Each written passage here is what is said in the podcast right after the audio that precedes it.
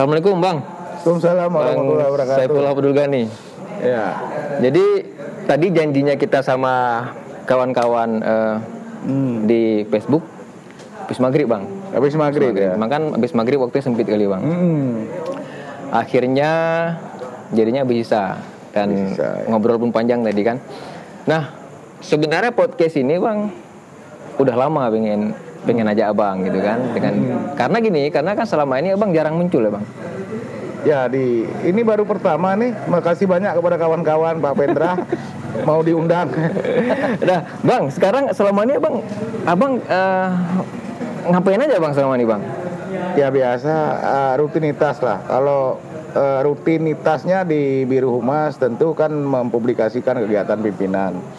Nah, secara khusus setiap sore saya harus mengupdate informasi tentang perkembangan kasus COVID-19 dan sejak eh, Maret 2020 secara rutin eh, melalui rilis wawancara, kemudian ada kawan-kawan yang butuh eh, apa namanya Informasi ya. informasi yang sifatnya rekaman langsung ya kita layani. Jadi ya sebatas tugas-tugas komunikasi publik lah untuk melayani informasi kepada masyarakat. Nah, sekarang kan selama ini gini Bang, selama ini kan yang yang eh, masyarakat ketahui, Abang kan juru bicara pemerintah Aceh nih. Benar. Nah, secara apa namanya? Hari ini Abang juga sebagai juru bicara gugus tugas COVID-19 Aceh. Ya. eh. Berarti gajinya double nih Bang. Ada dua Hmm. Ke- keduanya masih abang tangani kan duit pemerintah juga covid kan spesifikasi nih bang spesial nih Iya. Double yang satu rupiahnya, yang satu lagi pahalanya. Karena ini mengurusi bencana non alam. COVID-19 ini eh, tidak sama sekali tidak dibayar honornya sebagai juru bicara COVID karena kita menggunakan eh, anggaran belanja tidak terduga dan itu menurut eh, aturannya memang tidak boleh menerima gaji. Karena itu oh gitu? Sejak awal memang tim eh, gugus tugas COVID-19 Aceh tidak menerima jerih dalam bentuk rupiah.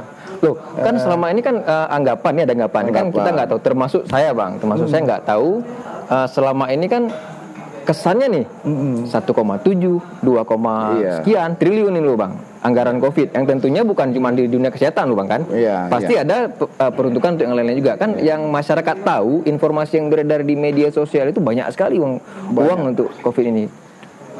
Ya, kalau kita lihat dari angka-angka mungkin eh, kuantitatif atau kualitatifnya besar, tapi seperti uang Aceh juga yang kita sering dengar sangat besar. Tapi setelah dilihat dengan dikonversikan dengan kebutuhan yang juga besar, yang uang itu menjadi proporsional. eh, seorang SAG itu yang yang dikenal oleh eh, orang-orang adalah sosok yang lucu. Iya, lucu, gitu, gitu ya. itulah yang lucu dan eh, sangat gampang beredar di mana pun kayak gitu kan. Nah, tapi selama ini kan seperti hilang kelucuannya. SAG sudah tidak lucu lagi gitu. iya kan? Iya. Nah, jadi kawan-kawan juga merasa kalau mau minta data tuh alah agak susah dihubungin gitu. Tapi iya bang, apa betul Hmm. itu susah dihubungin eh, karena memang ada perintah untuk tidak terlalu eh, open sama publik atau memang abang sendiri memang tidak mau atau ada faktor lain? Ya, pertama kondisi sekarang memang sedang tidak lucu. Kita sedang dalam bencana dan informasi yang saya berikan kepada masyarakat sekarang juga disertai dengan informasi yang duka.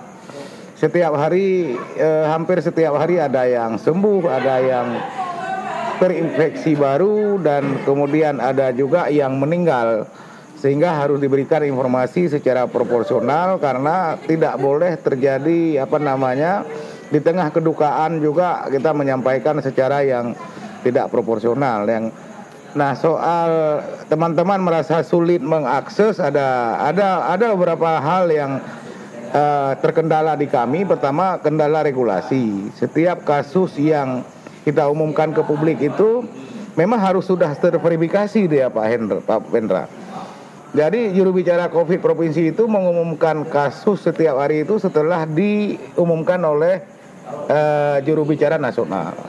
Dan di tingkat provinsi kita cuma mengumumkan jumlah kasus per hari per kabupaten kota. Ya.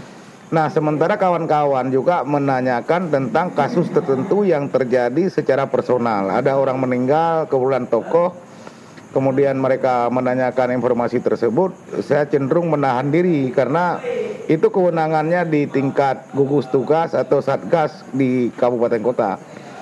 Nah, yang kedua dari sisi keadilan informasi ke masyarakat.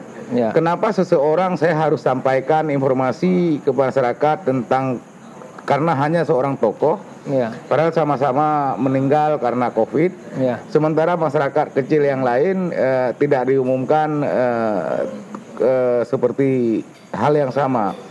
Pelayanan yang kita harus berikan adalah pelayanan yang adil kepada semua orang dan yang berikutnya alasan terakhir ada rahasia-rahasia pasien yang tidak semua boleh kita buka karena dampaknya juga serius. Di awal-awal dulu Pak Pendra kita mengumumkan eh, inisial ketika Ya, betul. kasusnya sedikit. Kita umumkan inisial dengan umur ternyata yang terjadi adalah orang mereka-reka Eh, mereka-reka ini inisialnya AM. Oh, ini si Fulan, anaknya kebetulan. Efeknya apa? Dagangan ibunya malah nggak laku. Hmm, Nah, ya, kalau betul, bapaknya jualan ikan, ikannya nggak laku karena anaknya eh, positif Pak, eh, COVID-19 yang sebetulnya tidak ada hubungan sama sekali. Karena itu COVID-19 ini bukan hanya problem kesehatan, dampak sosial ekonomi juga Iya, tinggi sehingga ya. kami sangat hati-hati dalam memberikan informasi kepada masyarakat. gitu. Bukan berarti tidak diberikan informasi yang diperlukan untuk publik selalu kami berikan dengan mudah. Banyak kawan-kawan yang datang ke kantor minta wawancara ya segera kita layani kecuali memang karena ini emergensi kadang-kadang rapat mendadak. Ya. Kayak malam ini kita khususkan datang diundang dihormati oleh Pak Pendra hadir dan Berarti kita ini emergensi nih, Pak? Atau mendadak? Atau memang Hmm, ya selalu mendadak Pak Pendra. yang namanya saya sudah tiga tahun jadi juru bicara pemerintah Aceh, kemudian sudah eh, beberapa bulan terakhir juga merangkap juru COVID, juru bicara COVID. Ya selalu teman-teman media doorstop eh, menanyakan sesuatu, ya kalau memang ada informasi ya saya berikan. Kalau memang belum ada, saya minta waktu gitu. Saya akan cari informasinya. tapi dan tetap. Abang layani. Tetap. Nah, tapi entas kemudian eh, ada keluhan kawan-kawan sepertinya agak susah sekarang minta data sama sama Pak Esagi itu. Berarti bukan ya? Eh, itu tadi porsi data yang ada saya data yang sifatnya eh, data kumulatif. Nah, misalnya tujuh hari ini katakanlah 71 orang kasus baru yang konfirmasi hari ini. Kalau ditanya siapa saja, eh, saya cuma bisa berikan per kabupaten kota. Iya. Eh, Banda Aceh sekian, Aceh besar sekian gitu. Kalau ditanya nama-namanya siapa, saya nggak pegang data itu. Yang kedua, memang itu porsinya satgas kabupaten kota. Oh gitu. Nah berarti berarti eh, anggapan-anggapan selama ini sebenarnya tidak benar Iya, karena ah. ada faktor-faktor lain yang melatar belakangi. Berarti memang bukan dari atasan sendiri melarang Enggak. untuk terbuka kepada Aku publik. masih seperti dulu lah. Masih seperti yang dulu, tapi sekarang sudah kurang lucu. Bahkan gini, Ah, bahkan gini, sebentar bang. Eh, sebelum kita lanjut kepada hal-hal yang mungkin lebih spesifik ke Saiful Abdul Ganinya, kita break dulu bang. Boleh, Kita dulu sekarang ya, Ah, ngopi-ngopi dulu bang. Kita nggak usah terlalu buru-buru, Oh ya, santai aja. ini kan santai malam kan? Malam, Biar santai orang- ngopi. Kadang-kadang ada yang interaktif silakan saja. Kalau Abang pun jarang-jarang santai selama ini kan? Oh ya, ini kan kebetulan ketemu Pak Pendra, saya bisa santai gitu. Oke, sekarang kita break dulu, nanti Ya. kita lanjutkan. Ya. Nah, kembali lagi. Eh. Eh, kesalahan teknis tadi bang, biasa. Jadi Iya. kita udah break juga. Ya. Nah, kemudian kan eh, ada pertanyaan-pertanyaan juga dari masyarakat dan dari kawan-kawan jurnalis juga Heeh. dan dari komunitas-komunitas yang abang kenal, yang Iya. sering interaksi sama abang, Ngopi. ngopi sama abang gitu kan, yang saling-saling bully. Kalau nggak salah dulu kita soal lingkungan juga sering bertentangan, sering, bang ya, Sering, sering, sering. sangat sering. Jadi kita, saya sendiri dengan eh, abang ini sering sekali bertentangan di Facebook. Tapi di duni- dunia nyata tidak. Jadi di Facebook kami saling hajar itu Iya. biasa gitu kan. Nah, jadi kawan-kawan ini bertanya bahwasanya Saiful Abdul Ghani ini adalah orang yang sangat mampu bergelit, bergelit dan sangat eh, matang dalam mengelola eh, apa namanya mengelola emosi gitu. iya. Jadi serangan, gempuran segala macam selalu dihadapi dengan tenang dan hampir tidak pernah blunder. Hmm. Ya. Tapi ada satu blunder yang dianggap masyarakat sangat fatal ketika ada isu kuburan massal itu, Bang. Hmm. Nah, itu apakah memang secara sadar Abang sampaikan atau kepleset atau karena secara tidak sadar bahwasanya kesan kuburan massal itu kan identik dengan pada masa tsunami dulu, Bang. Nah, framing saja sebetulnya kemarin itu ada background. Backgroundnya apa? Kita dapat potongan video orang pulang dari Malaysia dalam kondisi demam tapi tidak mau isolasi mandiri. Saya punya latar belakang epidemiologi dan saya tahu persis bagaimana resiko penularan 14 hari orang ini beredar naik angkutan ke masjid, ke warung kopi dan ketika diingatkan mereka juga tidak patuh. Kemudian eh, ada informasi lain yang eh, ada namanya informasi ketika khatib mengatakan Kak masuk ke neraka dan neraka itu panasnya 70 ribu kali daripada api di bumi itu sebenarnya kan untuk menciptakan kepatuhan. Nah, tapi ada backgroundnya tentu saja, ada ke backgroundnya bahwa dari pengalaman dari berbagai negara kematian karena COVID ini sangat tinggi. Tinggi sekali. Ada backgroundnya dan uh, semua orang juga menonton ambulan yang uh, antrian di pemakaman gitu. Nah background itu saya sampaikan dan dengan kalimat ini nggak enak saya sampaikan tapi saya harus sampaikan sehingga kita lebih uh, aware untuk melakukan pencegahan jangan sampai sakit. Terminologi massal itu mungkin diksi yang tidak tepat uh, untuk kondisi yang kemarin itu. Dan alhamdulillah ternyata memang tidak terjadi. Angka kematian kita walaupun dalam minggu-minggu ini dinilai tinggi dibandingkan dengan 10 daerah provinsi prioritas, tapi yang disebut masif seperti di luar negeri di Wuhan Tidak, ya? itu tidak tidak terjadi. Dan eh, pada saat itu karena memang seperti Pak Vendra bilang, kita bisa berbeda, kita bisa bersahabat, bisa berbeda. Nah, kalau masyarakat merasa ini tidak tepat ya kita minta maaf. Ya, ada orang yang bertanya Pak Vendra, kenapa orang eh, begitu menghujat dan saya tidak menanggapi dengan emosi? Ya, saya berpikir positif saja. Orang yang tidak bisa terima itu saya kira ini orang yang mau mengoreksi. Dan eh, koreksi itu eh, saya tanggapi dengan positif, saya minta maaf kepada publik dan eh, alhamdulillah masyarakat juga bisa memaklumi sebagai manusia biasa eh, saya eh, bisa saja hilaf dan kecuali yang memang sangat mengagumi saya Pak Pendra ini kadang-kadang orang menambutnya dengan lucu Kenapa orang yang sangat mengagumi saya sangat keras untuk menyerang? Kenapa? Karena mereka menganggap saya ini ya mestinya tidak boleh salah gitu. Tapi ternyata terjadi kesalahan Harus sempurna itu. gitu ya. Nah harus sempurna dan ternyata memang setiap orang ada kelemahan dan setiap detik ada waktunya yang membuat kita kadang-kadang tidak selalu dalam uh, frekuensi yang full.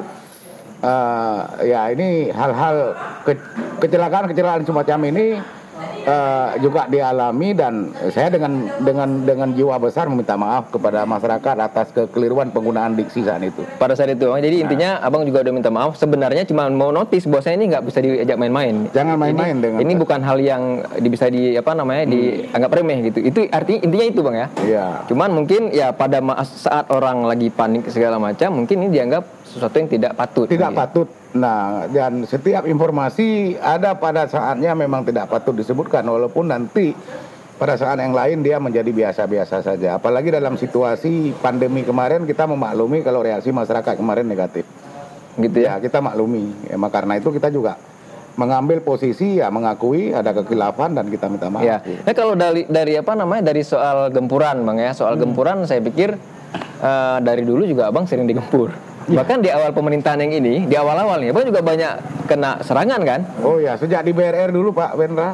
Iya. Jadi diserang maksudnya yang saya ingat nih waktu abang baru baru eh, masuk ke pemerintahan Irwan Dinova tempo hari itu banyak sekali serangan bahwasanya SAG ini orangnya ini orangnya jadi itu apa namanya eh, seolah-olah ini SAG ini bu- bukan orang yang tepat bukan orang yang Wah. tepat untuk ada kan dulu bang kalau nggak salah Ya, eh, lepas dari apa pun motifnya, tapi itu terasa. Tapi bagi saya menilainya inilah perhatian publik dan saya sedang diuji gitu. Dan saya harus eh, membalikkan asumsi-asumsi orang. Nah, untuk itu memang harus bekerja sedikit eh, lebih keras, menjalankan tugas sebagaimana mestinya sehingga ekspektasi publik itu walaupun tidak sempurna namun bisa mendekati itu saja Pak Vendra gitu ya Mm-mm. nah tapi kalau soal tadi yang saya bilang eh, abang udah nggak lucu selama ini abang merasakan itu nggak bang soalnya kan Ya, eh, ada pembatasan memang karena ada kondisi misalnya sekarang jaga jarak Pak Vendra. ya betul Jadi saya nggak bisa lagi bergabung dengan kawan-kawan di warung kopi ketawa ketiwi kayak dulu. Iya. Kemudian yang kedua, ada kawan-kawan yang memang butuh informasi spesifik yang saya memang tidak kuasai, Iya. tidak punya gitu kan.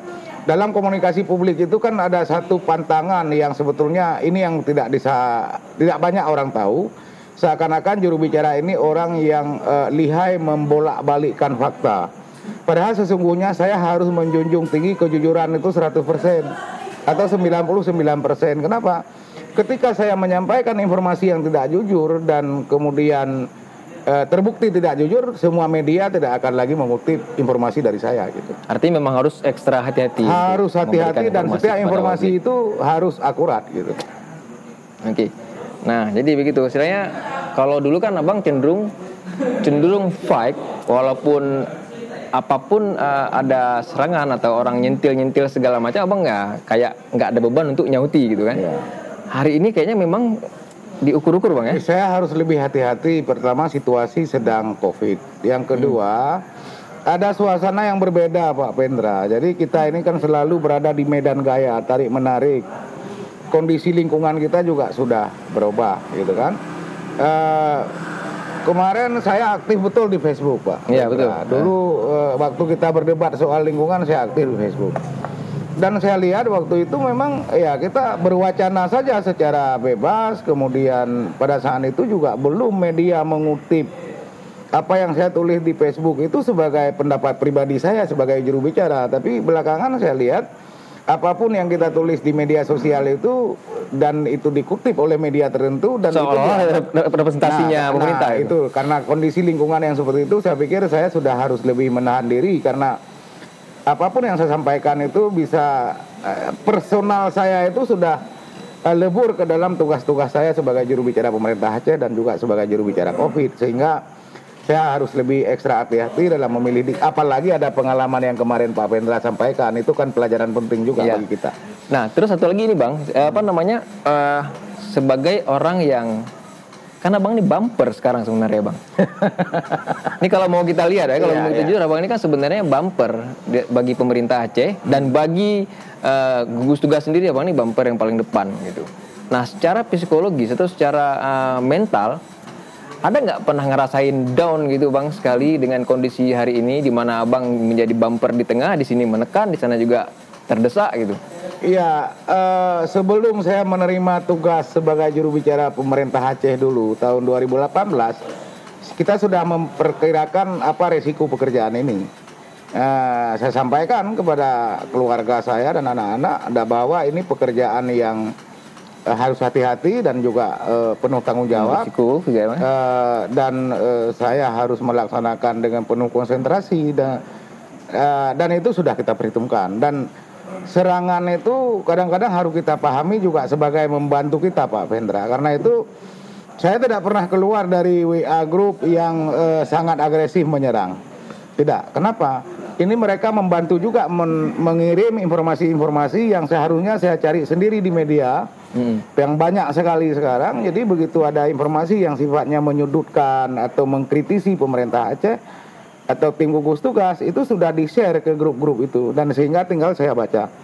Nah, karena itu tidak semuanya saya berpikir positif. Serangan itu bentuk perhatian, serangan itu ingin dia ingin kita lebih sempurna dan setiap serangan ya kita ambil saja kita kapitalisasi sebagai yang positif saja. Jadi diserang saya bisa baca informasi itu yang kalau tanpa itu mungkin saya luput gitu.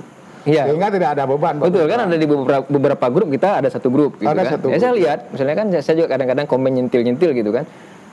Ternyata abang baca gitu. Saya baca gitu. Tapi kenapa nggak balas komen gitu? Ah. Kadang-kadang bertanya kenapa nggak balas komen? Nah, kan ada juga yang sampai bilang ini ini Pak Isagi kok eh, baca-baca aja nih nggak komen-komen nih apa udah maksudnya kan kalau dulu kan ikut eh, nyentil, ikut balas-balasan Iya. gitu kan.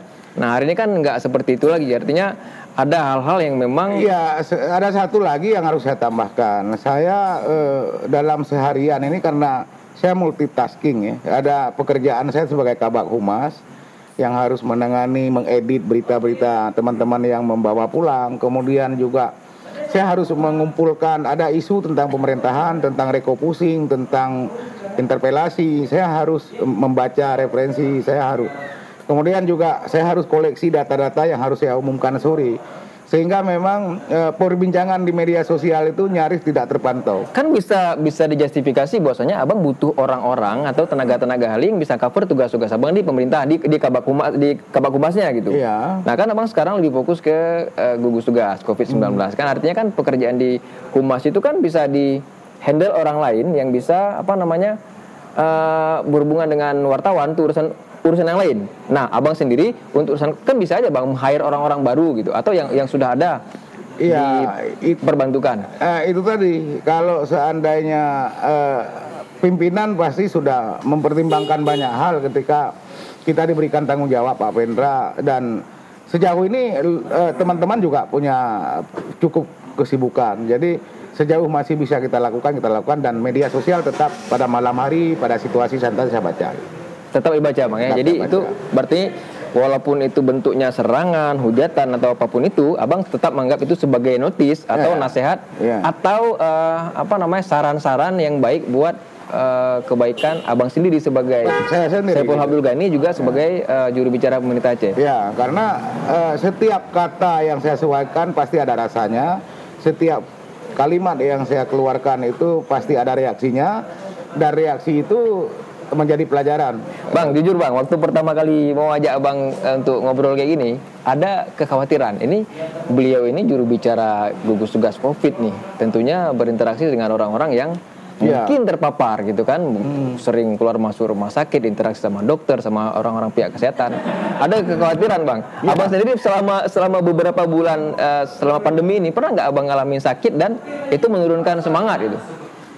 Alhamdulillah belum Pak Vendra, tapi saya udah empat kali swab Pak. Empat kali? Empat kali swab karena berpapa uh, ketika saya bersentuhan dengan seseorang, kemudian di rumah sakit, kemudian uh, dua hari kemudian uh, terbukti positif, otomatis saya kan. Nggak, abang sendiri tadi dari mana nih sebelum kemari? Eh, saya di kantor. Dari kantor. Dari Berarti saya harus pakai hand sanitizer nih, Bang. Nah, dan yang dan saya pakai masker. Nah, jadi kenapa? eh, saya pakai masker supaya apa tidak terganggu kesehatan Pak Wendra betul betul enggak. Jadi jadi kan kekhawatiran tak ada Pak ya sebenarnya kan. Nah, kita harus tetap hati-hati. Hati-hati gitu. Oke kita break sebentar. Kita break sebentar tadi mana tutupnya ini? Tapi anjuran-anjuran masker itu tetap bang ya tetap dinyinyirin bang ya? Oh ya kekhawatiran tetap ada bang ya. Saya sendiri bang kan uh, waktu awal-awal itu sugesti kencang tuh bang. Pernah sampai sakit seminggu bang? Saya Pernah di rumah Pak Wendra dulu saya punya kebiasaan habis sembahyang hari raya dengan keluarga itu semua rumah saya salami walaupun saya nggak masuk karena kan hmm. tinggal di komplek saya salami ya. satu lorong begitu covid ini saya bilang sama istri kita keluarga beresiko saya menangani ini ya. istri saya di rumah sakit anak saya di ICU dokter ya akhirnya ya udah kita nggak usah salami tapi duduk aja di teras santai. Kalau ada yang mau datang kita salami. Kan gitu kan dan ternyata memang tidak ada yang datang gitu. Ngerti juga orang ngerti juga ngerti. juga. maksudnya bukan bukan mengucilkan juga. Oh, bukan, bukan. tapi orang memang menyadari ya hari ini kan bukan seperti lebaran ya, biasa gitu. bukan bukan kondisi bukan sedang baik-baik saja gitu. Iya. Nah kalau kepatuhan masyarakat sendiri nggak boleh gimana bang sekarang bang? Kan sekarang gini uh, razia masker rutin nih bang? Iya. Rutin. Itu memang anjuran dari pemerintah pusat atau pemerintah Aceh bang? Enggak, ini kan sudah ada pergub nomor 51 tahun 2020 tentang uh, penerapan protokol kesehatan yang disertai dengan penindakan atau sanksi gitu. Uh, dan di pemerintah pusat juga ada. Jadi ini korelasi saja pusat daerah Kemudian memang kalau kita bilang tidak disiplin di masyarakat, saya khawatirnya nanti yang menjadi tertuduh masyarakat tertentu di kalangan tertentu. Hmm, yeah. Tapi kalau kita lihat memang tidak mudah mempengaruhi uh, berubah perilaku orang. Ada satu contoh yang barangkali kita ingat Pak Pendra, siapa lebih susah atau terganggu penampilan kita menggunakan masker atau menggunakan helm pada saat naik motor. Nah ternyata kan kalau pakai helm itu cuma pada saat kita bawa motor kemudian kita parkir helm juga di motor kita yeah. bisa seperti biasa. masker ini mengganggu penampilan, harga bedak mahal, harga lipstik mahal, semuanya ditutup masker, Susah. kemudian apalagi perokok kan, apalagi sedang di warung kopi, lebih susah. Nah bayangkan kalau di helm dulu juga sangat susah kita membiasakan. Betul, betul. Nah karena itu pemerintah Aceh kemarin ketika bicara new normal baru, tidak langsung kita masuk ke new normal baru, tetapi kita perketat dulu protokol kesehatan sehingga menjadi kebiasaan baru di masyarakat, baru nanti new normal artinya hidup berdampingan dengan COVID-19 tanpa harus mengancam kesehatan dan mengurangi produktivitas kita sebagai eh, pekerja, sebagai eh, penanggung jawab rumah tangga gitu. Dan perubahan perilaku ini butuh waktu Pak Vendra. Mm-mm. Betul bang. Jadi gini kan kalau kalau saya setuju setuju aja bang kalau kita pakai masker selalu gitu kan. Saya juga selalu pakai masker. Ya, yang sanitizer juga bawa. Nah tapi kalau terus-terusan begini bang, Mm-mm. eh, kan manusia itu hirup O2 Iya. dan mengeluarkan CO2. Iya. Ini eh, awam nih bang, awam nggak terlalu paham juga kan. Kan kalau kita pakai masker, CO2 yang kita keluarkan kan kita hirup lagi bang. Secara Iya. kesehatan gimana nih bang? Eh, karena itu sebetulnya penggunaan masker itu tidak dianjurkan 24 jam Pak Pendra. Pada saat kita membutuhkan asupan oksigen sangat tinggi ketika sedang dayung sepeda, olahraga, itu tidak dianjurkan menggunakan masker. Nah, saya sendiri kalau di kantor naik tangga sampai tiga tingkat itu dengan eh, tergesa-gesa, itu kalau menggunakan masker itu lebih berat, terasa lebih berat. Nah karena itu kalau sudah kita tidak berinteraksi dengan orang, jarak kita di kamar sendiri bekerja atau di mobil, ya kita eh, nggak harus menggunakan masker. Jadi bukan soal masker ini kan supaya kita bisa menghindari percikan eh, bersin atau eh, uap air yang keluar dari pembicaraan dengan orang lain. Nah sejauh ini filosofi sudah kita pahami, kita sudah tahu kapan harus pakai, kapan tidak pakai. Harusnya begitu bang ya? Ya, kapan pakai, apa harus pakai gitu. Nah jadi kan ngomong-ngomong kayak abang bilang tadi, kalau menurut saya ini sangat bijaksana karena yang abang bilang kita masyarakat ketika udah eh, terbiasa dengan new normal, pakai masker segala macam, tentunya juga eh, diimbangi dengan kebijakan yang agak ringan sebenarnya. Kita tahu kapan kita pakai dan kapan kita harus pakai. Nah kejadian saya kemarin bang kena razia, saya di mobil nih, di mobil, pakai mas, nggak pakai masker bang, nggak pakai di, mah juga di mobil kan kaca tutup semua. Nah, ini mungkin eh, kesilapan juga, kesilapan saya dan kesilapan mereka juga diberhentikan. Yang pertama itu ada eh, eh, aparat keamanan, tentara, tentara. Lewat karena memang mobil tertutup semua, nggak terbuka. Yang kedua ada eh, polisi juga lewat. Yang ketiga ada WH dan polisi, mereka berdua, mereka suruh saya minggir. Dan saya minggir, tapi nggak langsung buka kaca bang, karena saya belum pakai masker kan. Jadi saya pakai masker dulu. Setelah saya pakai masker, baru saya buka. Ternyata yang petugasnya ini saya nggak nggak mau sebut nama, saya ingat namanya. Dia buka masker, dia ngomong sama saya dekat. Itu di situ saya ya. sehingga saya kalau menurut saya itu juga eh, perilaku saya tidak terpuji karena agak agak keras, mak- maksudnya agak eh, resisten gitu kan, karena memang mungkin panik juga karena terlalu dekat dia ngomongnya. Saya bilang ya jangan terlalu dekat ngomong karena kalian kan lagi lagi eh, sosialisasi masker karena kan Ya. lagi penegakan apa namanya eh, apa namanya lagi sosial- Protokol kesehatan. protokol se- kesehatan dan segala macam. Kenapa ngomongnya dekat-dekat? Akhirnya ada, ada agak bersih tegang sedikit gitu. Maksudnya kalau eh, melihat juga di pusat kan kemarin itu ada juga banyak yang kena denda gara-gara nggak pakai masker dia bayar. Dia bayar karena juga sama dalam mobil. Mungkin kalau kondisinya lebih buruk, mungkin lebih buruk kondisi saya karena saya ada istri dan anak. Ya. Yang di Jakarta itu kan tidak ada bang, sendiri dia. Nah itu mungkin karena PSBB saya juga nggak terlalu paham. Di Jakarta kan PSBB bang, dia kena karena mungkin di sana terlalu ketat. Nah apakah kita diberlaku, berlakukan PSBB di Aceh bang? PSBB itu banyak suara yang mengusulkan, Pak. Tetapi eh, syaratnya berat, syaratnya berat. Terutama kesiapan ekonomi eh, masyarakat karena PSBB itu sama sekali kita tidak boleh lagi buka Warung ya? Nah, ada banyak yang me- me- mengusulkan PSBB. Yang pertama harus semua Forkopimda di kabupaten kota atau di provinsi itu sepakat dulu PSBB kita lakukan. Yang kedua, eh, masyarakat juga siap eh, menerima efek. Misalnya dengan tutupnya toko, tutupnya usaha, termasuk tempat keramaian seperti misalnya rumah ibadah itu tidak Iya. tidak boleh di apa namanya dilaksanakan seperti biasa. Tentu di Aceh untuk eh, hal-hal yang terkait dengan ibadah tentu sangat Agak, tidak riskan, betul. sangat itu. Nah karena itu sebetulnya tujuan dari eh, PSBB sendiri kan orang tidak berinteraksi terlalu panjang karena orang belum disiplin. Nah, kalau seandainya memutuskan untuk tadi, maka yang saya bilang filosofi dari pakai masker kita pahami, filosofi tidak berkerumun kita pahami, dan filosofi cuci tangan kita pahami. Sebetulnya PSBB itu kan alat. Nah, yang Iya. paling penting itu bagaimana virus dari seseorang, katakanlah dari saya, ya, tidak pindah ke orang lain. Gitu. Nah, bisa jadi saya sekarang sehat walafiat, tapi kan saya belum tahu kalau Jadi saya kirir, besok kan? swab, Ya. saya swab besok saya menjadi Positif. OTG Hmm. eh, dan malam ini kita ngobrol eh, pada jarak kurang dari 2 meter, ini beresiko bagi Pak Wendra. Iya betul. Nah, terkait dengan kenapa orang di mobil tadi di di razia, ini saya pikir tidak sepenuhnya salah. Karena percikan air liur ini juga bisa mengenai dashboard mobil Iya. yang nanti keluarganya naik segala macam. Ah, tetapi memang butuh kebijaksanaan karena operasi ini sendiri, penegakan ini sendiri karena bagi orang-orang yang tidak disiplin.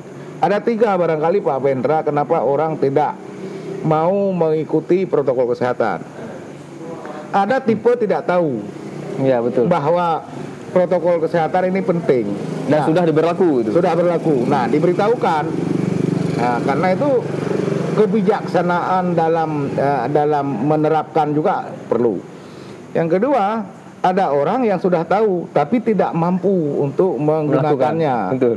Tidak mampu. Nah, karena itu Tidak mampu dalam artian gimana? Bang, mungkin maksudnya? tidak mampu mendapatkan masker, eh, berada jauh dari pasar, masker yang ada sudah kotor atau sudah rusak. Nah, karena itu pemerintah Aceh sampai eh, mengambil kebijakan untuk melakukan refocusing anggaran desa. Jadi eh, dirubah perencanaan desa untuk pengadaan masker di desa. Itu diambil kebijakan. Ada satu lapisan kecil lain. Dia sudah tahu, dia mampu sebetulnya, tapi tetap tidak mau. Iya. Nah, tetap tidak mau. Nah, kenapa mereka tidak mau? Karena ada tokoh panutannya yang tidak pakai, ingin nampak keren, nggak pakai Hmm. Iya. masker kan? Biar Nampak mirip berani gitu. Nah, biar mirip anak muda film India gitu kan? Oke. Ah, ada tokoh referensi. Nah, karena Ya, itu betul. pendekatannya apa yang harus dilakukan? Ya, bina suasana. Jadi tokoh-tokoh referen ini sebetulnya kalau dia merasa dirinya tokoh jangan mempengaruhi orang lain Betul. ke jalan yang tanda kutip itu tidak tepat. Ada lagi segmen paling kecil di kelompok tiga ini. Siapa mereka? Adalah orang yang memang eh, nggak akan disiplin kalau nggak diberikan sanksi. Iya. Nah karena itu nggak cukup. Mungkin seperti saya bang ya. Eh, ya, Pak, kalau Pak Vendra mungkin ada di tiga ini. Nah, ampernya berpindah-pindah. Nah, kemudian, nah yang kelompok kecil inilah yang seharusnya ditindak. Ya. Kalau situasi sekarang orang yang tidak menggunakan masker di tempat umum dan orang yang tidak cuci tangan, saya kira kayak orang melawan arus lalu lintas. Resiko bukan hanya pada dirinya juga bisa resiko bagi orang lain. Karena itu orang-orang yang semacam ini ya harus ditangkap. Harus ditindak. Harus itu nggak cukup nasihat. Karena itu di setiap negara harus ada polisi, nggak cukup penyuluhan, Pak. Betul. nggak cukup, nggak cukup penyuluhan harus ada polisi, harus ada polantas gitu. Karena ada saja sekelompok kecil Memang ngeyel membangkang yang gitu. tidak Ada. akan eh, disiplin gitu. Itu, Bang, ya. eh, dan eh, banyak hal yang bisa dibedah kenapa dia latar belakangnya kemudian. Kan bang, jadi eh, kalau misalnya eh, yang dilakukan selama ini oleh pemerintah Aceh kan razia di jalan bang, jalan. Ini pandangan saya bang, pandangan awam saya nggak nggak tahu tujuannya apa. Mungkin tujuan secara eh, generalnya bahwasanya masyarakat harus sadar bahwasanya harus pakai masker 3M tadi. Nah, tapi kalau pandangan saya sendiri kan masyarakat yang di jalan itu nggak terlalu dekat jaraknya dibandingkan masyarakat yang hari masih di warung kopi. Seperti gini loh bang. Nah mungkin kita karena abang sendiri jubir tetap pakai masker dan saya juga maskernya di sini karena kurang leluasa, kurang leluasa. Dan banyak juga kawan-kawan mungkin yang di warkop sama sekali nggak pakai masker dia ngobrol nggak pakai masker segala macam. Dan droplet itu jauh loh bang jaraknya, sangat jauh. Jauh, apalagi bersin. Hmm, apalagi bersin. Masih pengaruh arah angin lagi kan? Ya. Nah, kalau pandangan saya sebenarnya kan harus dirazia dulu di kantor-kantor, kantor pemerintahan, kantor swasta, kan? Eh, tempat-tempat eh, keramaian seperti pasar. Tapi pasar udah tadi tadi, Bang. Kalau nggak salah saya ada Ya. Pa- pasar ah. pasar gitu kan. dan kafe segala macam kan harusnya itu dulu bang kenapa nggak lakukan itu dulu baru ke jalan Nah ini kan baru penerapannya eh, di Aceh mungkin dua mingguan. Dari ini terus kita evaluasi. Kalau memang di jalanan itu yang paling dihindari kan orang meludah, meludah. Tapi ah, itu tadi sebetulnya eh, dengan pakai masker aja bisa dia buka meludah gitu kan. Tapi yang paling dihindari ketika kita naik motor nggak pakai masker ada kawan di belakang tetap sama saja. Ya kan, apalagi kayak Pak Pendra tadi. Di mobil memang, tapi di dalam mobil ada orang lain, kemudian ada AC Ya. yang berputar-putar di situ. Ya tidak sepenuhnya salah, tetapi saya kira dalam penerapan awal ya nggak apa-apa, tapi kita akan evaluasi. Kalau memang ini menjadi fenomena yang mengganggu, ya tentu akan eh, ada evaluasi. Kan setiap kebijakan pasti ada tidak sempurna. Ya. betul Eh, kita break dulu nih Jat sebelumnya Jat kita break dulu Habis ini kita akan ngomong masalah ada dua isu lagi nih bang, dua isu besar yang akan saya tanyakan ke abang. Sementara kita break dulu sebentar. Ngopi-ngopi dulu bang. Boleh. Ini kayaknya agak panjang kita ngerokok dulu bang. Yang lebih bahaya nanti gini di warung kopi orang pakai masker, tapi rotinya nggak dibungkus. Iya betul. Jadi bersin itu udah nempel di tempe. Betul. Itu yang banyak sekali. Jadi ada saya nggak nyebut warung kopinya takut dianggap endorsement. Ada beberapa warung kopi yang saya masuki di Banda di Banda Aceh dan Aceh Besar. Ada beberapa. Sebelumnya mereka nggak buat plastik tuh bang. Hmm, Tapi sekarang mereka udah plastikin makanan semuanya. harus. Harusnya harusnya gitu kan Harus. protokol. Malah eh, eh, kalau saya melihat eh, eksekusi di tingkat warkop kafe itu ada di kabupaten. Izin usaha, kemudian distribusi, pembinaan itu kan wali kota, kabupaten, bupati. Iya. Masker. Iya. Bang di seputar masker ada kan eh, program pemerintah ini yang kemarin itu memang terlalu eh, apa namanya dalam skala besar gema itu bang. Gama ya. gebrak masker kan itu juga ada pro dan kontra bahwasanya kalau dari sisi eh, masyarakat sendiri ini tidak penting karena ada eh, ketua gugus tugas di masing-masing kabupaten kota yang bisa langsung menangani Eh, ka- ada yang sebagian masyarakat beranggapan bisa aja pemerintah provinsi mengirim eh, apa namanya ke masing-masing kabupaten kota dan pemerintah setempat yang akan bagikan ke masyarakat. Nah dari pemerintah sendiri tentu ada alasan. Hmm. Nah, apa ini mungkin abang bisa jawab apa alasannya pemerintah kan itu anggaran loh bang. Iya. Ah, jadi ini yang yang menjadi sorotan ah, terutama masyarakat medsos bang, terutama masyarakat medsos ini menjadi sorotan eh, netizen. Iya. Kenapa harus dari provinsi yang secara sporadis menyebar ke kabupaten kota untuk eh, apa namanya gebrak masker ini?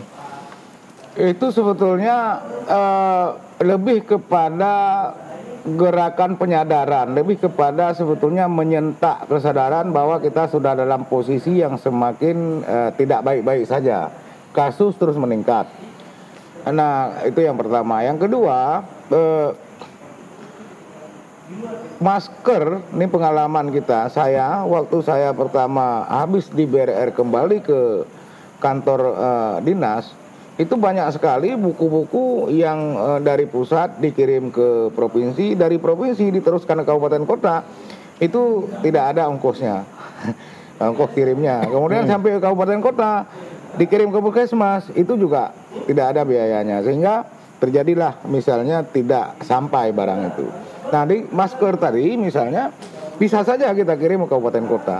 Tapi lagi-lagi saya mau mengatakan bahwa dalam menangani COVID-19 ini tidak ada eh, panitia yang memang dibayar jerihnya. Eh, setiap ke lapangan itu dibayar segala macam eh, itu tidak karena ini dalam situasi yang mendadak kita hadapi rekopusing dilakukan dan kita di awalnya menggunakan dana BTT. Bagi masker itu cuma satu juta pak. Hmm. Itu bantuan dari presiden. Iya. Kemudian dalam eh, satu juta ini kita bagi kepada 6.000 lebih desa, gitu kan?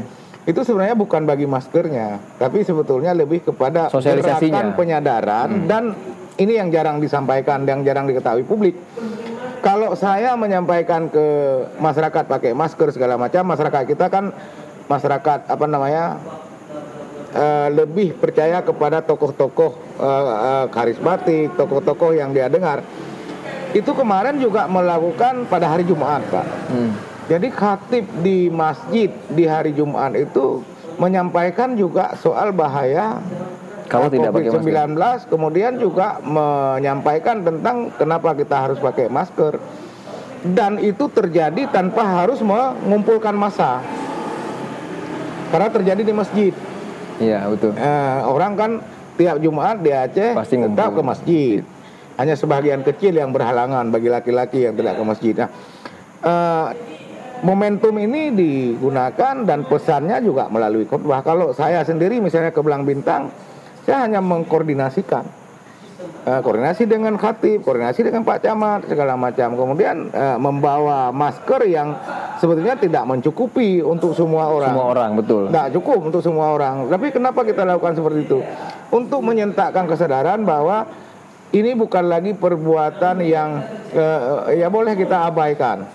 Nah, ini yang yang sebetulnya kita targetkan kemarin bahwa dalam setiap fenomena ada yang eh, dianggap positif, ada yang tidak ne- negatif. Itu saya pikir ya normal-normal saja Pak Pendra karena itu ya kita jelaskan. Tapi sejelas-jelasnya pun ada juga yang menganggap tidak jelas. Nah terkait refocusing tadi bang, refocusing kan anggaran eh, refocusing ini kan eh, kan banyak sekali nih bang jumlahnya. Kan tadi juga abang bilang seperti ada eh, paradok karena anggarannya banyak, tapi ternyata yang bertugas seperti abang sendiri bertugas tidak mendapat eh, jerih apa pun gitu, imbal jerih apa pun dari apa yang dilakukan oleh abang sendiri dan teman-teman lainnya di pemerintahan Aceh gitu. Artinya kan apa memang anggarannya tidak ada yang katanya banyak ini dia fakta atau cuma angka.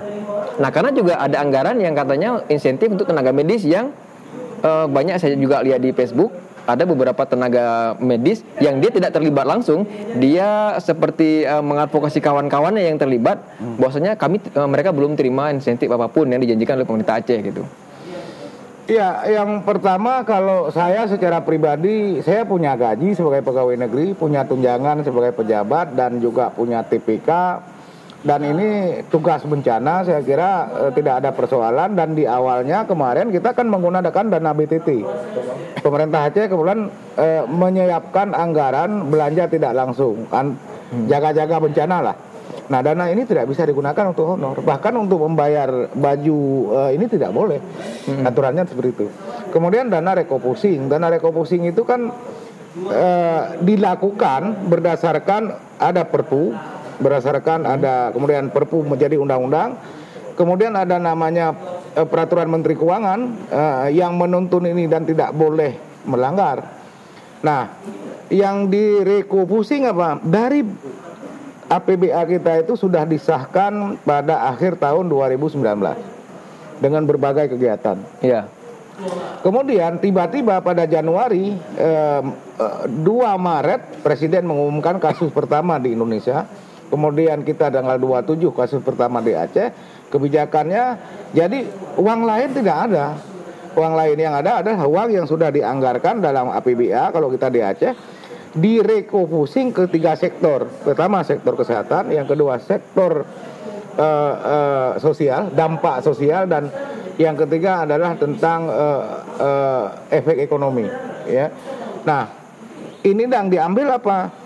Di awalnya diidentifikasi lah mana kegiatan-kegiatan yang tidak mendesak harus dilakukan pelatihan, rapat, eh, perjalanan dinas ini dikurangi semuanya eh, teridentifikasi sekitar 1,7 triliun dilaporkan ke sana. Nah kemudian di- karena waktu yang diberikan mepet sekali. Kalau ini nggak dilaporkan ada sanksi-sanksinya. Kemudian setelah ada kelonggaran waktu dipastikan lagi berapa, dipanggil dinas-dinas lagi, coba mana kegiatan yang belum dikontraktualkan, mana yang belum ada komitmen, mana yang belum bergerak. Terkumpul uang sekitar 2,3 triliun. Nah, sehingga angka berubah. Tapi jangan lupa Pak Pendra, angka 1,7 17 triliun atau 17,2 triliun itu tahun 2020 itu kan tidak dalam bentuk eh, cash eh, yang sudah tersimpan dalam Bank Aceh. Dia kan dana transfer. Iya. Dana transfer dari pusat Iya. ya kan petriwulanan.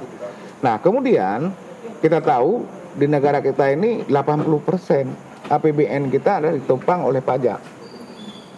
Nah, COVID ini menghajar semua sektor usaha yang merupakan sumber pajak negara.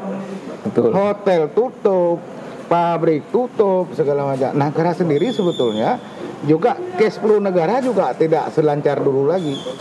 Nah, karena itu ada ada yang ingin disampaikan dilakukan oleh pemerintah daerah. Seperti misalnya Pak PLT Gubernur Aceh Insinyur Nova Iriansyah menjanjikan akan memberikan uh, intensif kepada tenaga medis.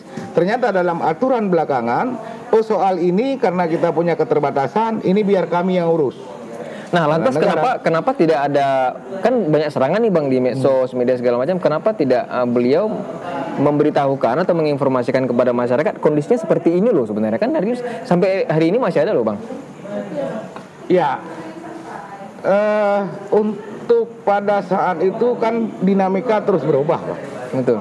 Nah, ketika ini sudah stabil, sudah kita publikasikan semuanya, sudah kita publikasikan. Termasuk saya bicarakan tadi tapi bagi kan butuh ilmu untuk hal-hal yang teknis keuangan negara ini kan butuh pemahaman dasar. Saya nggak yakin berapa persen orang paham eh, yang awam ya, yang tahu bahwa anggaran itu adalah sistemnya transferring. Eh, bahwa cash flow itu terjadi negara kumpulin kemudian ditransfer ke daerah. Jadi sehingga timbul kenapa dikasih uang itu kan uang kita gitu. Iya. Nah, efisiensi harus dilakukan di berbagai sisi. Pada satu sisi negara kekurangan pemasukan.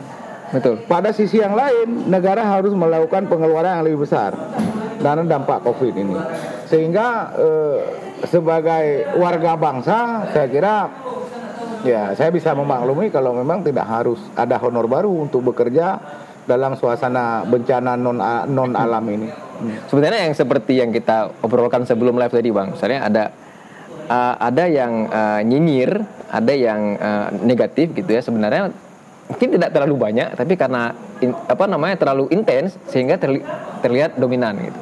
Mungkin seperti itu bang ya. Iya, kemudian yang nyinyir ini gini-gini. Tadi ada saya sebut, mungkin ada dua informasi yang tadi saya sebut Pak Pendra. Yang informasi nyinyir ini kadang-kadang jadi lucu-lucu, ya kan? Lucu-lucu.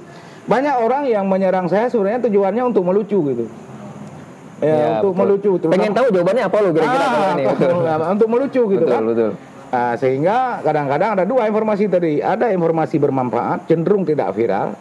Raisa itu juru bicara yang pasti lebih cantik dari saya, ya kan? Abang bang sama sekali nggak cantik, bang. Nah, saya kalau apa namanya dari dalam cantiknya kan, dari dalam. Nah, Raisa menyampaikan bagaimana menggunakan masker yang baik. Iya. Tapi tidak viral karena itu Betul. informasi yang bermanfaat. Padahal yang menyampaikan saya kira bukan hanya bisa memberikan info, informasi bagi orang tertentu, tapi juga mungkin ada oknum-oknum yang suka fantasi. Betul. Iya kan? Nah, tapi nggak viral karena ini informasi yang bermanfaat. Tapi begitu ada informasi katakanlah ada pengusaha dari Jawa Barat pulang dari rekreasi di Aceh kemudian kena COVID meninggal. Oh, ini viral. Uh, tujuannya biar orang nak mungkin tujuan manfaat apa bermanfaat uh, bisa dimanfaatkan ini biar saudaraku tahu jangan suka ke Sabang gitu nah okay. kan tujuannya mungkin, ya nah, mungkin anaknya suka kali minta-minta ke Sabang hari-hari libur nih kan yeah. nah dikirim aja nih uh, viral dia kan nah karena itu kalau bisa dimanfaatkan cenderung viral nah uh, saya memaklumi saja karena itu uh, apa pun informasi yang disampaikan oleh pihak pemerintah selalu ada segmen yang tidak percaya Betul. Nah, karena itu segmen yang tidak percaya ini ada ada penyebabnya tidak tidak percaya. Karena memang dia berada di tengah-tengah dia termasuk korban uh, hoax yang uh, kronis. Iya. Nah, kita butuh waktu, maka tidak cukup hanya pemerintah yang menyampaikan informasi ini, cukup harus ada tokoh agama. Dan saya sangat mengapresiasi sejak awal Pak Pendra, teman-teman media itu di Aceh luar biasa mempublikasikan soal COVID ini sebelum Indonesia bicara tentang COVID. Wartawan di Aceh udah gencar menulis. Betul bang. Uh, sejak Januari ketika kita buka posko di dinas sosial, wah tiap hari ada media, tiap hari mereka menulis. Tapi di sisi yang lain, Pak Wendra di tengah informasi positif dari wartawan menulis ini, ada juga banjirnya informasi-informasi tentang hoax yang ini menggoda banyak orang untuk percaya, apalagi masyarakat kita juga jangankan yang yang tidak nampak seperti virus kan Iya. Yang nampak pun kadang-kadang dia ragu gitu. Tapi yang memang hoax itu cenderung cenderung menarik bang dibandingkan berita yang benar gitu. Nah terkait dengan Reza tadi bang sebut Reza ini menarik karena Menarik. dokter Reza ini kan memang cantik bang. Oh, kalau ya. kalau abang cantik abang pakai makeup juga, pakai lipstick kan nggak mungkin abang lakukan itu kan gitu bang. Maka saya bilang, saya kan tidak secantik itu. Nah kan di awal-awal uh, ditunjuk Reza sebagai juru bicara COVID-19 uh, nasional, di awal-awal itu kan ada juga apa namanya orang yang ganggu abang nih, ganggu abang. Ya, ya. Sebenarnya uh, ganti Saifullah Abdul Ghani gitu kan, Ah. digantikan dengan yang cantik juga gitu. Itu itu uh, gimana perasaan abang? Apakah abang merasa ini kali ganti kayaknya nih? Enggak, saya kan eh, pertama soal kalau pimpinan mengevaluasi memang harus diganti tanpa Raisa pun saya bisa diganti. Kan itu itu harus kita sadari itu Betul. dulu. Yang kedua, eh, orang yang membandingkan ini kalau dilihat kalau eh, secara syariah yang paham syariah, apalagi orang Aceh kan, eh, setiap wajah perempuan itu adalah aurat, ya kan? Ya, betul. Nah, ya kan? Nah, maka saya lihat ini ya guyon-guyon aja, iseng aja gitu kan. Nggak terganggu saya. Nah lagian juga kalau diganti mungkin nggak ada yang sanggup setahan banting abang kayaknya di posisi ini. Oh, ada banyak, ada banyak. Ada bang ya? Ada banyak. Cuma barangkali ini ini persoalan eh, waktu saja kan. Nah, setiap orang ada waktunya, setiap waktu pasti ada, Ada orangnya. Jadi saya kira ya biasa aja sejauh masih dipercaya dan masyarakat masih menganggap bermanfaat ya kita jalankan aja. Bang, Pak. jadi kan ada yang beranggapan Pak PLT ini eh, tidak terlalu peduli, misalnya maksudnya tidak tidak terlalu fokus menangani COVID gitu. Hmm. Mereka beliau eh, cenderung jarang muncul. Ada anggapan seperti itu dari, dari sebagian masyarakat. Juga ada se- sebagian yang beranggapan beliau ini walaupun digempur beliau tetap kerja gitu kan. Hmm. Nah, eh, kalau abang sendiri ngelihat kan abang sering eh, tentunya sering interaksi sama beliau, sering eh, komunikasi dan segala macam apa betul beliau ini memang kurang peduli ke COVID, lebih pentingkan proyek-proyek yang uh, seperti multi years kemarin gitu. Sebenarnya apa yang yang dalam pikiran beliau, Bang? Mungkin Abang Pak pasti lebih tahu lah dibandingkan orang lain. Saya melihat Pak PLT Gubernur Nova Iriansyah ini lebih percaya kepada sistem. Eh, kalau dalam penanganan COVID ini ada Satgas, beliau sebagai ketua Satgas COVID-19 Aceh menetapkan kebijakan, kemudian ada sistem yang berjalan. Ah, juru bicara COVID-19 ada tugas, sudah ada tugasnya apa. Dan eh, beliau juga me- me- berkonsentrasi kepada apa lagi yang harus dikerjakan, berkoordinasi dengan Forkopimda, kemudian berkoordinasi dengan pemerintah pusat, sehingga eh, yang beliau kerjakan itu tergantung dari sisi mana kita lihat. Kalau memang mau dilihat dari sisi oh harus seperti gubernur Pulan tampil segala macam. Nah ini kan keinginan, harapan Iya. dan eh, eh, indikator-indikator kinerja kan tidak seperti itu. Tapi kalau indikator populis mungkin ada bagi secara politik, nah, bicara politik misalnya, popularitas itu penting bagi seorang eh, gubernur. Iya, betul. Ah, daripada harus menunjukkan juru bicara semacam Pak SAG, ya mending saya sampaikan muncul ini. sendiri gitu. Tetapi kan energi beliau tidak cukup untuk mengurusi beban yang sangat berat di pemerintah. Angka kemiskinan kita harus kita dorong. Iya. Ah, eh, banyak infrastruktur kita harus di eh, dibenahi di tengah anggaran yang sudah semakin menciut dan Belum eh, lagi gesekan dengan dewan kemarin tuh, Bang. eh, dinamika dinamika politik yang begitu tinggi saya pikir Pak Nova percaya kepada sistem yang harus berjalan. Dan beliau terus mendorong sistem ini yang berjalan gitu. Dan pada saat tertentu beliau tampil beliau menyampaikan. Dan doorstop hampir setiap ada kegiatan beliau melayani doorstop. Beliau nggak nggak alergi dengan jurnalis nggak, Bang? Enggak, kalau ada kegiatan di yang sejauh yang saya dampingi beliau itu saya sampaikan saja Pak, teman-teman media ada yang mau bertanya, eh, ya silakan. Cuma eh, kadang-kadang beliau eh, cenderung fokus saja, oh kalau kegiatan ini ya tentang ini. Nah, dan tidak pernah beliau menolak untuk eh, doorstop di mana-mana dan saya kira- tidak menghindari, beliau tidak Oh, menghindari. tidak, tidak. Tapi sistem sudah dibangun, sudah dibentuk. Ada juru bicaranya, ada juru bicara pemerintah Aceh, bahkan juru bicara dua orang gitu kan. Ada biro humas itu sistem itu berjalan. Oh, jadi- Dan saya juga banyak mendapatkan bimbingan dari beliau kan dalam menggunakan diksi dan eh, eh, beliau sangat disiplin dalam menggunakan diksi bahasa yang harus terpilih. Karena masyarakat kita masyarakat yang juga uh, sudah syarat beban lah. Uh, tsunami konflik ya jangan sampai diksi yang kita gunakan justru melukai gitu. Berarti kalau boleh boleh saya menilai artinya abang ini menyesuaikan dengan pimpinan seperti dulu masa Pak Irwandi abang juga agak terlalu agak aktif hmm. agak atraktif seperti hmm. beliau gitu jadi bagaimana pimpinan disesuaikan gitu bang ya artinya gitu ya bang iya saya kira memang eh, ritme kan dijaga nih Uh, kalau memang uh, harmoni itu kan penting. Penting sebuah, bang, penting. Sebuah orkestra.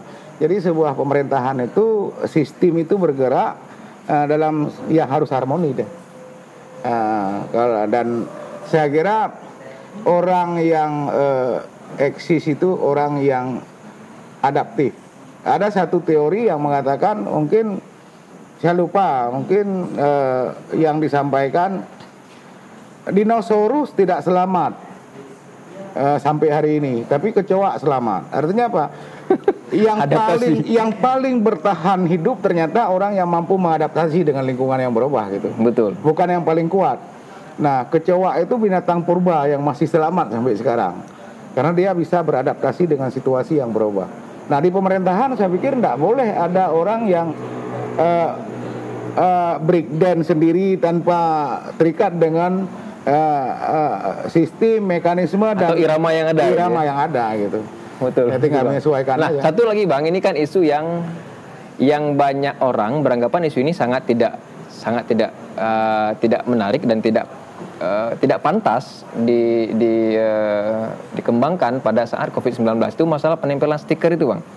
Nah ini kan banyak orang beranggapan ngapain lo ngurusin ngurusin Pertamina di saat kita lagi ngadapin pandemi gitu. Hmm. Nah, apa pertimbangan beliau sehingga ini dianggap penting untuk dilakukan di masa pandemi ini, Bang?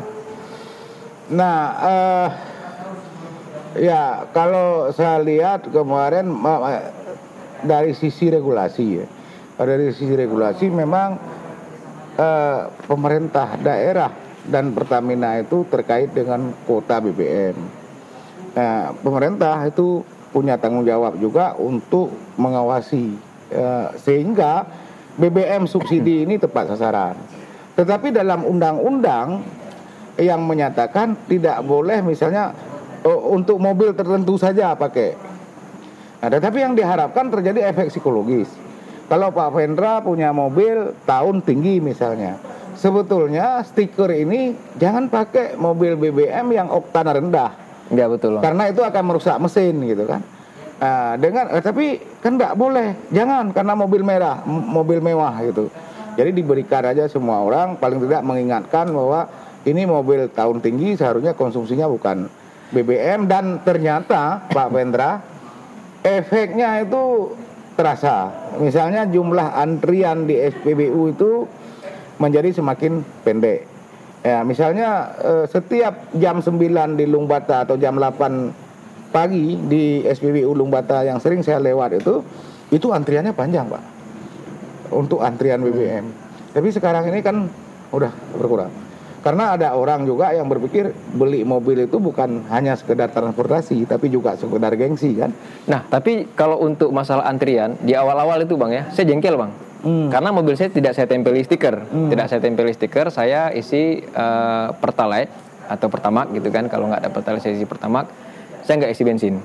Nah tapi saat ngantri, saya nggak bisa masuk. Ada yang yang pom bensin itu dia uh, di, sat, di satu uh, jalur jalur itu dua-duanya di situ, hmm. pertalite dan bensin dan premium gitu kan. Jadi ketika, saya mau saya nggak bisa masuk bang harus ngantri ya, juga kan. Ya. Akhirnya saya udah nggak punya stiker harus ngantri ya. Ya akhirnya jadi tempat lain gitu. Artinya kan kalau saya sendiri ngerasa ini sangat tidak berpihak kepada orang-orang. Ya, produktivitas orang terganggu. Saya pulang ke ke ya ke lintas timur lah. Itu di daerah Padang Tiji lewat Padang Tiji menjelang apa? Ada satu SPBU di situ. Saya lihat sampai jam 3 malam itu masih ada truk-truk yang antri. Khususnya truk-truk eh, dam truk yang bawa tanah. Itu solar tentunya Bang ya. Mereka ngantri solar, solar gitu kan jam 3 malam besok dia harus bekerja lagi saya kira sangat mengganggu produktivitas kan dan resiko kerja bagi sopir tidak cukup istirahat malam uh, ya saya rasa sker ini sudah eh, dibagikan dan tinggal kita evaluasi efektivitasnya bagaimana. Tapi yang tapi eh, pemerintah hari ini tetap mengevaluasi itu bang, tetap, Tetap, melihat itu. tetap. Karena gini saya lihat, seperti pemerintah Aceh hari ini dipunggungi oleh masyarakat karena kadang-kadang mungkin abang juga tahu isunya dia nempel stiker saat mau masuk pom bensin nanti dia buka lagi gitu. Banyak bang seperti itu. Tapi stiker itu saya melihat kan stikernya seperti stiker apa les mobil kan. Iya, rekat Eh, kuat. se- eh, seharusnya kan di SPBU itu lebih jeli lah. Ya kan? Berapa kali boleh kita nempel, tarik nempel, tarik nempel kan? Nah, saya nggak tahu apakah itu fenomena atau sebenarnya oknum tertentu saja ditangkap oleh kamera kemudian viral. Tapi bang tahu kondisi itu bang ya? Nah, kemudian itu seakan-akan menjadi generalisasi. Yang saya tak, pernah lihat itu ada satu mobil, ya mobil eh, eh, jenis kecil ya. Saya nggak tahu mereknya, tapi jenis kecil ada anak muda itu stempel kemudian dibuka gitu. Tapi apakah itu fenomena atau eh, hanya cash ya? Tapi saya rasa bang kenal orangnya itu siapa? nggak nggak banyak saya bang kenal, karena saya juga kenal itu orang. Mungkin itu cash, tapi karena Mungkin ya. kayak Pak Pendra bilang tadi kasus satu tapi karena viral ini seakan-akan menjadi fenomena padahal Iya, itu hanya kasus gitu. cenderung ya orang cenderung suka yang sifatnya kontroversi, Hmm. kayak gitu. Heeh. Oke bang, Ya. saya, saya rasa mungkin ya di situ di, sampai segini obrolan kita malam ini karena juga udah terlalu malam bang. Ini kan terlalu malam. Ada satu lagi saya ingin Ah, silakan, sampaikan Bang. di akhirnya mungkin ada isu ada ada banyak pendapat mengatakan pemerintah Aceh tidak punya strategi menangani Covid-19. Saya ingin sampaikan kepada kita semua Pak Pendra, Ya. Covid ini ditangani berdasarkan, berdasarkan standar WHO dan itu dilaksanakan diterjemahkan oleh Departemen Kesehatan dan sesuai dengan kewenangan pemerintah pusat mengatur tentang norma, prosedur, standar, kriteria itu dalam bentuk regulasi termasuk tentang perpu, perpu kemudian tentang eh, tim gugus tugas. Nah di daerah gubernur mengambil keputusan untuk ada pergub, ada kepgub, ada inggup untuk berlaku seluruh kabupaten kota. Nah di kabupaten kota sendiri yang harus lebih operasional. Misal protokol kesehatan di kafe, di warung kopi, saya masih menemukan sekarang ini orang pakai masker pak, tetapi kue yang di di depan eh, di dalam piring itu nggak pakai masker sama sekali, Terbuka gitu. nggak dibalut. Dan itu Jadi- bergantian di Bayangkan di- di- orang datang eh, tekan-tekan nggak jadi ambil, kemudian belum lagi orang bersin. Eh, sehingga kalau orang menanyakan kenapa pakai masker tapi masih sakit juga, masker kita pakai, tapi begitu makan kue kuenya udah kena bersin gitu. Oke. Nah strategi yang ditempuh pemerintah Aceh sesuai dengan standarnya, yang pertama putuskan penularan, Hmm. itu satu. Yang kedua apa? Tangani yang terinfeksi. Obat belum ada, tapi harus ada rumah sakit. Harus ada asupan gizi, harus ada asupan vitamin. Yang ketiga apa strateginya? Eh, tangani dampak. Jadi dampak ini kalau dalam ilmu mitigasi inilah memperkecil resiko. Jadi karena itu dalam refocusing anggaran kita pun ada social safety net. Ini sebagai dampak dari COVID-19. Ya, kurangi, putuskan rantai penularan supaya kasus kurva epidemiologinya melandai. Yang kedua, tangani yang terinfeksi agar men- menekan resiko kematian. Dan yang terakhir, tangani dampaknya. Bang seminggu terakhir ini trennya naik apa turun bang? Ya, realistis saja bahwa dalam Enggak maksud saya gini, maksud saya gini, tren yang terjangkit terjangkit dan yang eh, meninggal. Ya kalau kita lihat yang terjangkit trennya naik Sejak Juli kita naik Naik, Naik. Kasus tertinggi kita tanggal 27 September 190 kasus positif Positif. Kalau yang Positif. meninggal bang, Yang meninggal sampai angkanya hari turun nggak? Secara akumulatif kan eh, bukan turun Artinya secara akumulatif sekarang ini 205 orang yang Ya meninggal itu secara akumula- Nah, sejak ya. Maret. Sejak Maret. Sejak Nah Maret. kalau kalau trennya sendiri, trennya kan fluktuatif kan. Eh, Misalnya hari ini ada yang meninggal, besok Oh, tidak gitu. gitu. kan. Fluktuatif termasuk juga kasus. Hari ini kemarin tanggal 27 190, kemudian turun lagi menjadi 70. Jadi selalu kasus. Bang. Tapi yang diukur itu kan eh, eh, case fatality, fatality rate. Angka kematiannya, kemudian yang diukur juga tentang eh, apa yang disebut dengan eh, apa namanya eh, recovery rate tingkat kesembuhan gitu kan angka kesembuhan kita tinggi Ya, tapi walaupun memang angka kematian itu juga seharusnya nol, satu pun betul. tidak boleh kita tolerir sebetulnya. Betul. Ya kan? Betul. Satu pun apalagi dalam kasus penyakit eh, KLB. KLB itu penyakit yang tidak biasa muncul, satu saja itu udah KLB misalnya. Seperti Covid ini kan. Bang, jadi kan eh, hari ini ada beberapa informasi bahwasanya di eh, ZA itu ada pasien positif COVID, dia eh, sebelum dipindah ke ruang khusus masih seruang dengan pasien lain, Bang. Jadi ada kejadian kemarin titipan pertanyaan dari seorang teman yang orang tuanya juga meninggal bukan COVID, meninggal karena sakit lain. Jadi ada saat di kamar itu ada eh, lima lima pasien, lima pasien salah satunya positif COVID setelah keluar hasil swab dan dia masih dua hari di situ belum dipindah. Nah, apa ini terlepas dari pantauan eh, pemerintah sendiri atau memang ada tidak ada ruang yang cukup atau apa alasannya bang Se- sehingga ini tidak langsung dieksekusi pindahkan ke kasus per kasus seperti itu kan kita harus cek ya. Tapi yang kita lihat begini, fenomena nih yang saya sampaikan. Di awal rumah sakit ini kita belah dua kan. Ada rumah sakit New eh, RUZA yang Ada. yang sebelah barat. betul Ada yang rumah sakit lama. Yang penanganan COVID itu kan di rumah sakit lama. Nah, pada awalnya fenomenanya pasien ditanyakan demam, eh, tenggorokan gatal segala macam. Ada ke tempat penularan nggak? Pernah keluar negeri nggak? Enggak, orang ngaku nggak. Iya. Nggak ke mana-mana. itu gitu. masih ada yang nggak ngaku bang Eh, dulu eh, fenomena sehingga petugas pun eh, berpikir positif saja pasti jujur kemudian ternyata setelah masuk ke rumah sakit eh, baru di foto toraknya ditemukan gejala Hmm. Eh, baru di swab. Nah, karena itu yang saya bilang setiap kebijakan pasti ada evaluasi. Maka sekarang kalau kita ke rumah sakit umum Nabi di Mandawaca itu banyak tenda-tenda BPBA. Jadi dibuat itu ada tenda screening namanya. Jadi setiap pasien apalagi sekarang ini OTG banyak korban kecelakaan lalu lintas pun mereka masuk ke situ dulu di screening. Kemudian kalau memang dia eh, tidak ada indikasi untuk COVID walaupun belum ada hasil swab tapi ada hasil Ya. foto dia masuk ke rumah sakit yang bukan COVID. Tapi begitu ada yang COVID, dia masuk ke rumah sakit yang sebelah sana gitu. Itu upaya-upaya yang dilakukan, fenomena yang itu case seperti itu bisa saja terjadi, tapi antisipasi terus dilakukan karena COVID ini sendiri barang baru yang perilakunya terus dibenahi. Pak Vendra, mungkin masyarakat tidak tahu juga. Sampai sekarang itu buku pedoman penanganan COVID-19 ini sudah lima revisi. Lima kali sudah direvisi. saya punya PDF yang nggak pernah baca bang Ada lima kali dalam jangka waktu itu yang eh, sekarang eh, 10 bulan ya. 10 bulan ya Jadi betul. setiap dua bulan itu kalau kita ambil rata-rata itu direvisi, direvisi karena adaptasi bang ya eh, gini. Awalnya begitu orang kena COVID-19 walaupun dia OTG kan baru disanggap sembuh swab dua kali negatif. Ternyata dalam perjalanan berdasarkan data statistik orang yang OTG kalau dia sudah istirahat cukup, asupan gizi cukup, isolasi mandiri benar, kemudian setelah 14 hari dia memang akan negatif.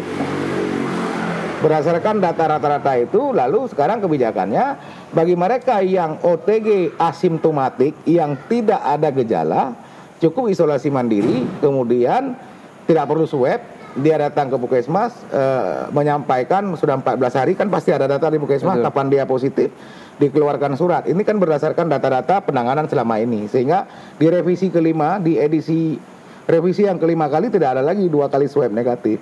Tapi yang komor yang sakit apalagi tambah komorbid itu masih tetap. bang jadi kan kalau kita lihat hari ini tenaga medis kita tentu lelah bang lelah Iya, iya. mereka kalau yang abang lihat mereka ini masih tangguh nggak bang Eh ya, saya kira tenaga medis kita sama lah. Kalau kami ada aturan Pak Vendra, saya kan background kesehatan. Ada orang yang bertanya kenapa Pak SAG juru bicara COVID lagi. Kan saya banyak orang nggak tahu background saya kan. Nah, saya epidemiolog yang memang mena- uh, uh, uh, belajar tentang ini. Ada aturan tenaga kesehatan siapa pun dia tidak boleh jadi kepala desa Pak. Karena kepala dinas orang kesehatan itu siap dimobilisasi kapan pun ketika diperlukan. Jadi sumpah kedokteran, sumpah perawat, sumpah tenaga kesehatan itu memang diatur oleh etika Undang-undang. jurnal. Anak saya dokter, eh, ketika dia harus, apakah karena COVID lalu berhenti? Saya bilang pada saat kamu diperlukan, kamu menghindar, ini pengkhianatan terhadap profesi. walaupun tanpa ada COVID, bagi kita pekerja medis, apalagi dokter, tetap ada resiko tertular penyakit lain. HIV ada di tengah masyarakat. Hepatitis misalnya. Hepatitis ada di tengah masyarakat. Maka cara terbaik adalah laksanakan tugas dengan baik, jalankan SOP dengan benar. Ya, karena kan ada gini Bang, ada isu bahwasanya uh, semangat atau ya spirit dari tenaga medis ini agak menurun setelah mereka tidak kunjung dapat insentif yang ternyata tadi seperti yang Bang jelaskan tadi alasan-alasannya ada gitu kan. Nah, sudah, sudah, sekarang sudah cair. Sudah, sudah, tapi memang ada hitungan-hitungannya Pak Pendra. Ini yang barangkali komunikasi di internal rumah sakit harus gencar jumlah pasien itu menentukan jumlah petugas. Ya. Kemudian ada konversi-konversi anggaran sehingga di satu rumah sakit aku kok dapat sekian, kenapa ya. kalian dapat sekian? Nah hal-hal semacam ini eh, bukan berarti mereka tidak punya loyalitas terhadap profesi.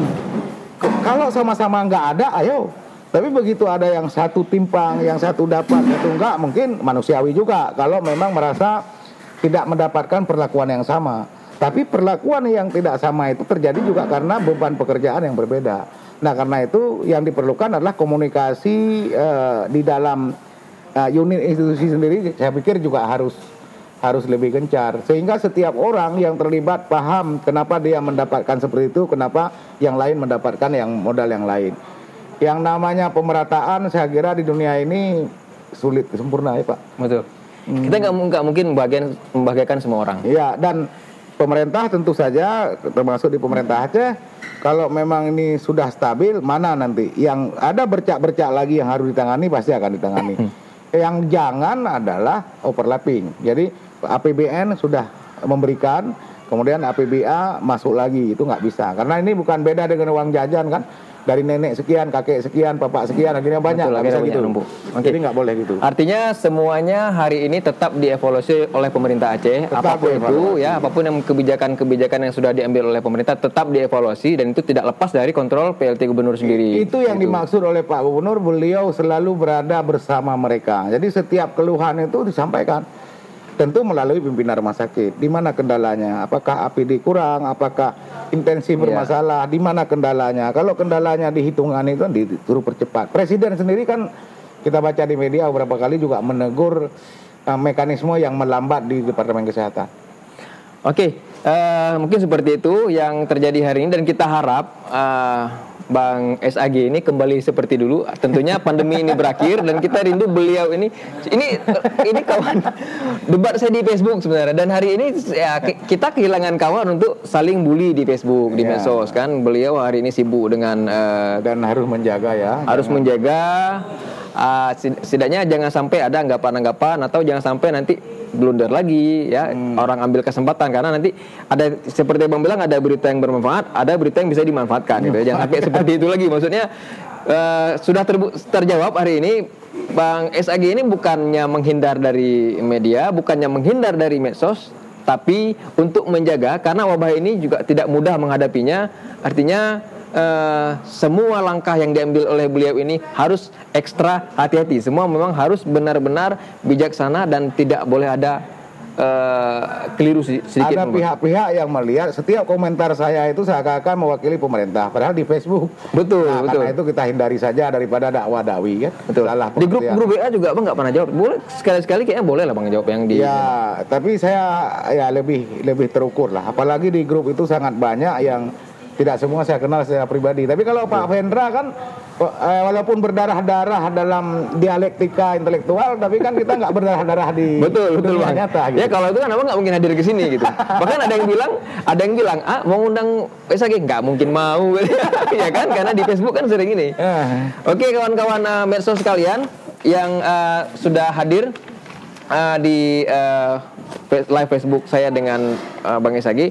Ini akan kita posting juga di podcast saya. Silakan nanti kunjungi Spotify dan para radio publik, Pocket Cast dan bermacam platform podcast lainnya kita akan posting juga ke situ obrolan hari ini dan juga kita akan publish ke channel YouTube saya.